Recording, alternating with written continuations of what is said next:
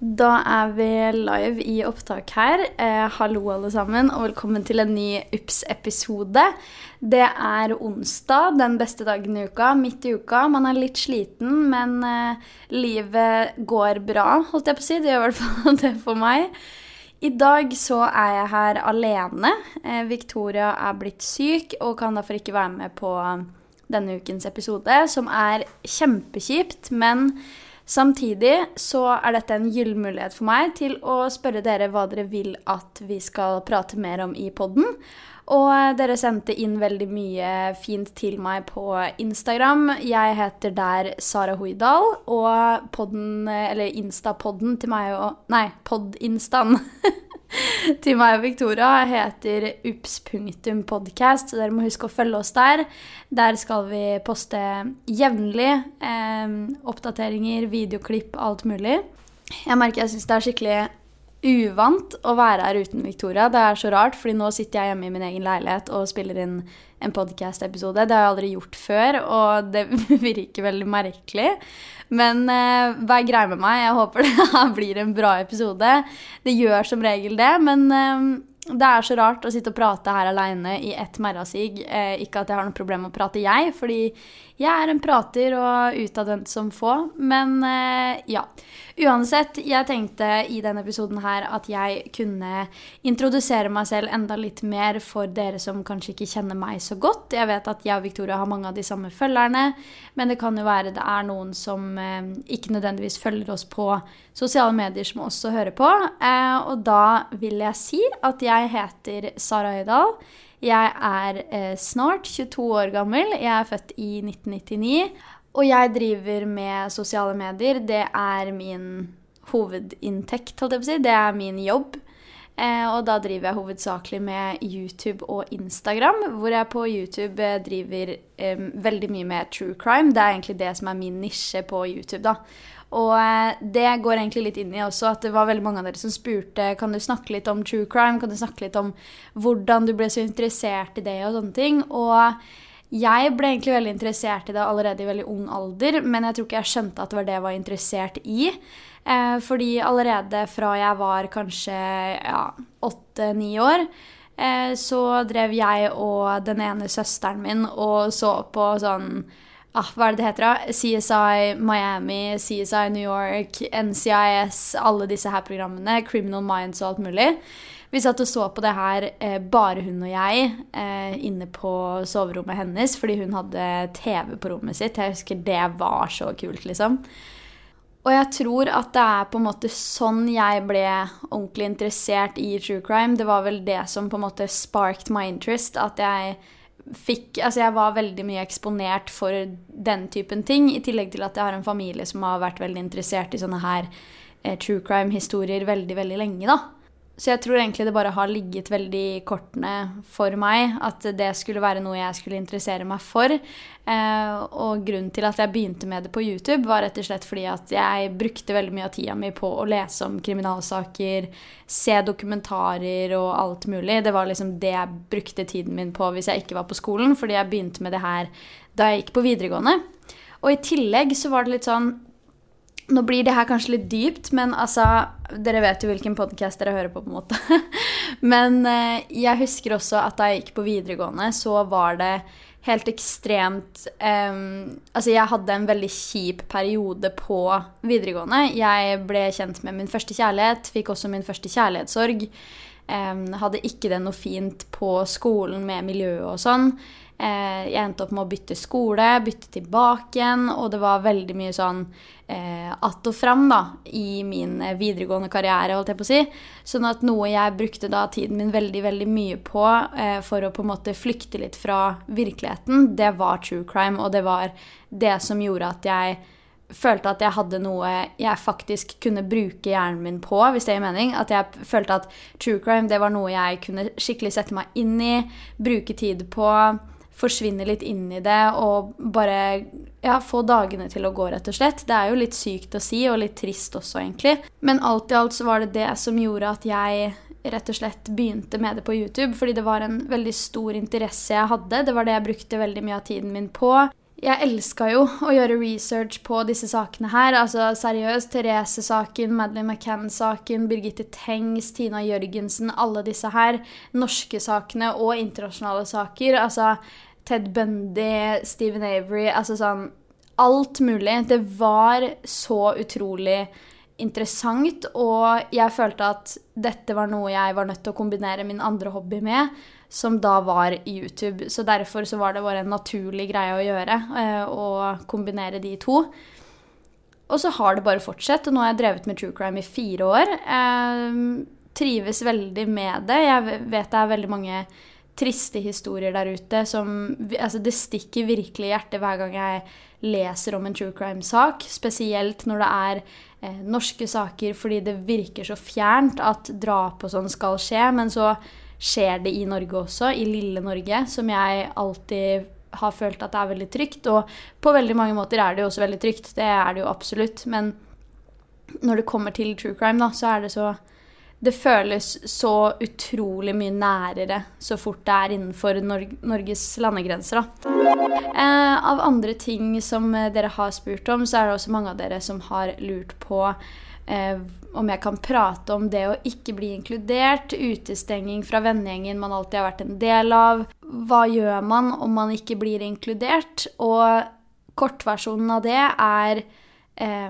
inkluder deg selv med enten de eller noen andre. Jeg er veldig sånn som person at jeg rett og slett ikke eh, vil inkludere meg selv med de folka hvis jeg ikke allerede er blitt inkludert. Hvis det er noen som inviterer til noe og ikke inviterer meg til det, så tenker jeg ok, men da kan jeg ha det gøy uten også. Da vil ikke jeg lage noe drama ut av det. Jeg vil ikke eh, lage Altså, det, det, skal ikke være en greie, liksom. Altså, vil man ikke invitere meg, så inviterer man ikke meg, og det går helt fint. Da da har jeg andre ting å gjøre, på en måte. Da lager jeg mine andre planer, og så er det greit. Sånn har jeg på en måte lært meg å tenke. Eh, selv om jeg skjønner også at det er vanskelig å tenke sånn når du er yngre, da. Men jeg tenker også at når du er yngre, så har du også alle mulige måter i verden å kunne finne deg andre venner. Prøve å kanskje ta litt mer initiativ med andre venner av deg. Ehm, eller lære deg å like ditt eget selskap helt sinnssykt godt. Det er også utrolig, utrolig, utrolig viktig. Og det er en lærdom jeg eh, virkelig, virkelig fikk kjenne på når jeg begynte på videregående. For da var det en ny klasse, jeg kjente ikke så veldig mange. Jeg var veldig, veldig sjenert, innadvendt, på den tiden med folk jeg ikke kjente så godt. Eh, turte ikke å si så mye høyt og sånne ting som det. Det var liksom, Jeg var veldig glad i å være bare meg, eller de jeg alltid hadde vært trygg på, da, fordi jeg har egentlig hele livet mitt vært i en veldig trygg posisjon sånn sett. Jeg har alltid hatt min ene gode bestevenninne, men som på videregående bytta til en annen linje, og sånne ting som det. Eller gikk på en annen linje. Um, så jeg tror det viktigste du gjør, er å for det første lære deg å like ditt eget selskap. Og om det er sånn at du er den eneste som ikke blir invitert på ting og sånne ting, så er det 110% noe du kan ta opp med dem. Eh, venner skal kunne være ærlige med hverandre, og du fortjener å vite hva som er tilfellet. Men det er veldig viktig at du ikke tar dette her til deg, ikke ta det personlig, og for all del ikke dra deg selv ned dersom du ikke blir invitert på ting eller utestengt fra vennegjengen. Fordi eh, det er ikke nødvendigvis sånn at det handler om deg i det hele tatt. Og jeg tenker at eh, som sagt, vennegjengen burde kunne fortelle deg hvis det er noe. Det er det som venner er til. Man skal kunne calle hverandre ut på en eh, oppførsel man ikke liker, eller hvis man er irritert på noe, så skal man kunne si det eh, og ha en fornuftig samtale om det.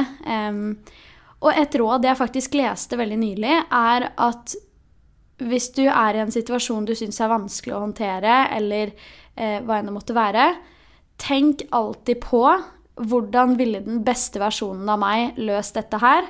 Og så løser du det på akkurat den måten. Da tvinger du deg selv til å løse det på den måten den beste versjonen av deg hadde løst det. På den måten så vil du alltid utvikle deg, fordi da vil du alltid gjøre det som hadde vært ideelt og det beste i den situasjonen å gjøre. Så masse lykke til. Jeg håper virkelig at det ordner seg. Jeg tror det ordner seg. Og eh, vær den voksne personen. The bigger person. Det er så viktig, altså. Og ehm, jeg vet ikke hvor gammel du er, men hvis det er sånn at du går på eh, skolen, så går det også an å prate med en lærer, en sosiallærer eller eh, en person du stoler på. Det er også veldig viktig. Ikke sitt inne med disse tingene her. Og tusen takk for at du sendte inn spørsmålet ditt. Ok, herregud, denne episoden her går jo bra. Jeg trives veldig i det selskapet her, holdt jeg på å si. Jeg syns vi har en, eh, har en hyggelig dialog gående her. Det håper jeg dere syns også. Og husk forresten at eh, hvis du liker UPS-sesongene som kommer, ruller og går her nå, så må du huske å gå inn i podkast-appen og rate episoden, eller rate podkasten. Vi hadde satt veldig stor pris på en terningkast fem, holdt jeg på å si. Stjerning Nei, stjer stjerningkast fem. Stjerne, fem stjerner. Fem stjerner hadde vi satt pris på. Og en liten kommentar på hva vi eventuelt kan gjøre bedre. Det setter vi veldig stor pris på. Konstruktiv kritikk er alltid bra. Jeg hadde satt veldig stor pris på om dere ville gjøre det. Og husk også å følge oss på Instagram. Der heter vi ups.podcast. Men nå, dere. Nå har jeg eh, bladd litt i instaen her, og jeg ser at det er noen som lurer på flere ting. Bl.a. det å ikke ha noen venner eller noen å lene, lene, seg på. Hva gjør man? Og også hvordan overvinne en frykt. Og helt ærlig så føler jeg at det går litt hånd i hånd. Fordi det å ikke ha noen venner eller noen å lene seg på, ingen å dele en glede med, sånne ting som det, det er også noe Altså, man er nødt til å bryte en frykt for å kunne komme seg ut av et sånt type eh, mønster, eller å komme seg ut av en sånn situasjon, da, fordi det høres jo ut som på spørsmålet til uh, førstnevnte at hun eller han har lyst til å komme seg ut av dette her, og hvordan hun, hun eller han skal håndtere det å ikke ha noen venner eh, og ingen å lene seg på. Jeg tenker at man er nødt til å være sin egen beste, beste, beste, beste, beste venn. Det igjen er en uh, lærdom jeg var nødt til å ta veldig til meg når jeg begynte på videregående, fordi Altså, det, det, er sånne småting som å bare ta bussen til byen og gjøre ærender selv. Eh, det gjorde jeg mye av. F.eks. hvis jeg hadde skikkelig lyst på en eh, genser fra Bik Bok, da, så kunne jeg stikke til Drammen. Jeg bodde i Svelvik da jeg var yngre. Jeg kunne da ta bussen fra Svelvik til Drammen, kjøpe den genseren og så dra hjem igjen. Og så var det liksom det var mitt lille øyeblikk den dagen, og da var jeg skikkelig skikkelig stolt av meg sjæl. For at nå har jeg kommet meg ut av døra, og jeg har faen meg gjort det aleine òg, liksom. Og jeg har dratt på trening aleine. Eh, det er det jo mange som ikke liker. Og eh, alle sånne ting. Bare småting. Gjøre de alene så du blir selvstendig, og da er du heller ikke avhengig av noen. Men samtidig så skjønner jeg at det er veldig vondt å ikke ha noen å kunne dele gleder med, ingen å lene seg på sånne ting som det. Hvis man bare trosser den frykten om man f.eks. er redd for å prate, eller redd for å inkludere seg selv, redd for å ta plass og sånne ting, bare gjør det. Altså virkelig, ikke, ikke overtenk det, fordi overtenking er din verste fiende når det kommer til å overkomme en frykt. Virkelig. Jeg eh, var så redd for det før. Jeg var redd for å si noe feil hele tiden. Og jeg var veldig eh, usikker på meg selv i sosiale settinger. Jeg var veldig sånn Shit, nå sier jeg noe feil, nå gjør jeg noe feil, nå kommer de til å tenke ABC om meg. Og det er veldig ubehagelig å leve sånn. Bare gjør, ikke tenk. Nei, vent da. Ikke tenk, bare gjør. Det er så viktig, altså. Fordi hvis du bare hopper i det, ikke tenk på hva som er det verste utfallet, hva som er det beste utfallet. Bare gjør det. Virkelig. Sånn, hør på Nike, just do it.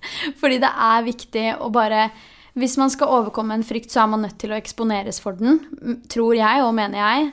Eh, og i min erfaring så er det det som har funka best, at man virkelig bare facer den frykten. Eh, sett deg med noen du ikke kjenner. Spør 'hei, kan jeg sitte her?' Eh, under lunsjen, eller sånne ting som det. Spør om småting, ta initiativ til en liten samtale. Spør hvordan det går med den og den oppgaven, f.eks. Eh, eller i jobbsammenheng. Eh, hvordan gjorde man det igjen? Eller eh, ja, spør Bare prøv å lage en samtale ut av noe, og prøv å bemerke deg ting du kan prate om med hver enkelt person. Så kommer du nok til å få deg noen venner, og eh, ikke stress med det. Prøv å være din egen beste venn først. Og så pleier det som regel å komme så lenge man eh, prøver å ta litt initiativ selv også. Eh, Prøv å være en eh, frempå-person, og prøv å være en åpen person som er åpen for nye muligheter.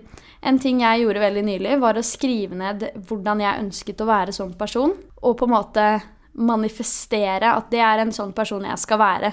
For hver gang jeg da havner i en situasjon hvor jeg er usikker på hva jeg skal gjøre, eller sånne ting, så ser jeg tilbake på den lista og så tenker jeg sånn skal jeg være. Og da må jeg gjøre dette sånn. Eller som jeg også nevnte, Tenk hva den beste versjonen av deg ville gjort i denne situasjonen, og bruk det for alt det er verdt. Jeg tror det er en virkelig, virkelig vinner, altså, i hver eneste situasjon. Er det egentlig en UPS-episode uten at det kommer et spørsmål om hvordan kjærlighetslivet går, og eh, hvordan det er på den fronten der? Svaret er nei. Og i denne episoden her så må jeg faktisk fortelle dere noe. Eh, og det er at eh, For dere vet jo, dere har jo vært med på nesten hele prosessen med en fyr som jeg drev og hang litt med i sommer og før sommeren også, egentlig. Og, og som jeg har hengt litt med, som jeg syns var veldig hyggelig. Men det er jo da avslutta, som jeg tror vi kom litt inn på i forrige episode, faktisk. Men eh, rett og slett, det er en så viktig ting. Og det er også noe jeg har lyst til å prate om, fordi nå kommer det bare av seg, dere. Nå er det bare å stålsette seg, fordi her er det tydeligvis mye på hjertet, men det er jo bare bra. Eh, nei, kjærlighetslivet mitt, det eh, går litt sånn opp og ned. Jeg er veldig sånn Jeg har lyst til å møte nye folk, bli kjent med nye, um, og rett og slett bare kose meg, leve livet. Jeg er eh, 21, snart 22 år gammel. Herregud, det er bare gøy. Og den situasjonen da med denne tidligere fyren eh, Der merka jeg egentlig bare at vi ikke var en eh, match. Det var flere punkter hvor jeg eh, tenkte det er ikke bra for meg. Det er usjarmerende at det ikke er bra for meg, og da gidder ikke jeg å bruke tid på det. Men Herlighet, verdens fineste fyr og en garantert veldig, veldig god venn. Eh, absolutt en person jeg fremdeles vil ha i livet mitt, men eh, kanskje ikke på den fronten man først ble kjent på. Og det er ikke noe gærent i det også. Det er veldig sånn, det syns jeg vi burde normalisere. at hvis man blir kjent med en person, og så fungerer det ikke på den fronten, så er det ikke nødvendigvis sånn at man ikke kan være venner eller, at, eh, eller noe sånt noe. fordi det er veldig ofte at eh, man egentlig er ment til å være venner, men det er så naturlig at man skal prøve den kjærestegreia først, eller den holde-på-greia først. Det er så veldig rart at det går den veien, egentlig. Fordi jeg elsker jo de gangene det er en situasjon hvor man først blir venner og ser at det er litt sånn tension og sånne ting, og så plutselig så blir man eh, rett og slett eh, mer interessert i hverandre, begynner å vise den interessen. Og så blir det en nydelig nydelig love story. Det er jo det som er en ideell situasjon. på en måte. Og jeg syns det er eh, viktig at det også går an. Det er ikke nødvendigvis sånn at du må være det. Det er jo veldig mange sånne type situasjoner hvor det er vanskelig å være venner etterpå.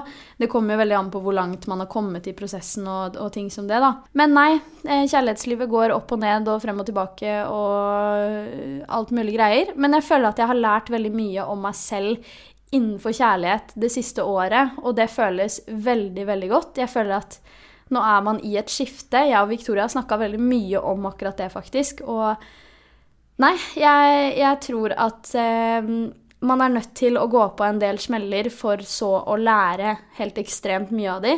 Det er ikke alltid man lærer veldig mye av de helt til å begynne med, men etter hvert over tid, når kroppen på en måte har fått kjent litt på det og sånn, så lærer man veldig mye av det. Og det er en veldig viktig lærdom. Jeg håper den podkasten har gitt mening i det hele tatt. Herregud. Jeg syns det er så rart å sitte og podde uten Victoria. Victoria, if you hear this, I miss you. Eh, jeg gleder meg til neste uke. Eh, det blir veldig, veldig bra. Men jeg håper Altså, det her blir en, blir en litt kort episode, men det er rett og slett bare fordi jeg veit at verken dere eller jeg klarer å sitte og høre på én stemme konstant i nå snart en halvtime. Eh, så jeg håper virkelig at dere har likt denne ukens episode. Vi er selvfølgelig knallsterkt tilbake neste uke med videopod og eh, alt mulig. Og eh, hvis ikke du følger oss på YouTube, så må du absolutt gjøre det. Der heter vi Ups Podcast. Og følg oss også på Instagram. Der heter vi ups.podcast. Og så snakkes vi neste uke med en kanskje litt mer humoristisk episode. Nå ble det jo ganske seriøst i denne episoden her. Um, men jeg håper at dere koser dere med episoden, og så prates vi neste uke. Dette er Ups med Sara og Victoria.